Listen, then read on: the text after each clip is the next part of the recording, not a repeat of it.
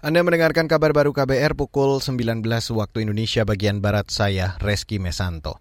Saudara Wakil Presiden Maruf Amin dan rombongan terbatas bertolak ke Singapura hari ini.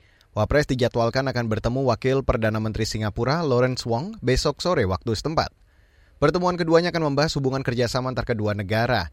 Dalam keterangan tertulis, Wapres mengatakan Singapura menjadi negara sahabat terdekat yang memiliki arti penting.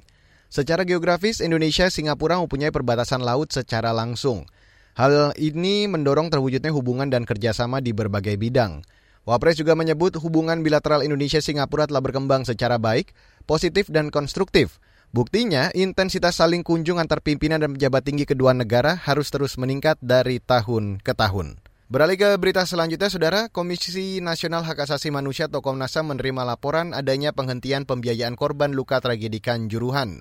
Komisioner Komnas HAM Hoirul Anna mengatakan laporan itu didapat dari supporter Arema. Menurut Anam, pemerintah dan PSSI mestinya bertanggung jawab terhadap perawatan korban luka. Nah, bagaimana orang yang tidak mengalami luka ini eh, nggak dirawat? Nah, ini harus ada jalan keluar karena memang mereka juga mengalami luka. Yang kedua, hampir semua itu juga mengalami trauma. Nah, itu juga harus ada sentuhan. Kalau ini dibiarkan, menurut saya sudah tidak baik. Makanya ini ini menjadi perhatian eh, Komnas HAM untuk menelusurin apa akar soalnya kok sampai ada kebijakan seperti itu dari Pemprov Jawa Timur. Saudara itu tadi Komisioner Komnas HAM Khairul Anam. Sementara itu Menteri Koordinator Bidang Pembangunan Manusia dan Kebudayaan atau Menko PMK Muhajir Effendi membantah informasi tersebut. Saat ditemui awak media di Kompleks Istana Kepresidenan, Muhajir memastikan pemerintah masih membiayai perawatan korban tragedi Kanjuruhan. Berdasarkan data Dinas Kesehatan Kabupaten Malang, jumlah korban luka dalam insiden itu mencapai lebih 600 orang. Saudara, ratusan rumah di Banyuwangi terendam banjir sejak pagi tadi. Banjir melanda setelah hujan dengan intensitas lebat mengguyur sejak minggu malam.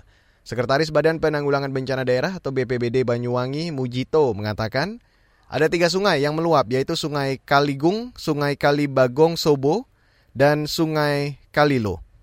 Tidak ada korban, korban jiwa. Memang ada beberapa warga yang dievakuasi hmm. uh, dari lokasi yang agak dalam airnya kita carikan tempat yang aman dan hmm. ada dua atau tiga orang yang kita bawa ke puskesmas untuk uh, apa namanya penanganannya kerugian materi masih masih didata mas. Sekretaris BBBD Banyuwangi Mujito menambahkan tim reaksi cepat sudah melakukan penanganan dan penyelamatan warga di sejumlah titik banjir.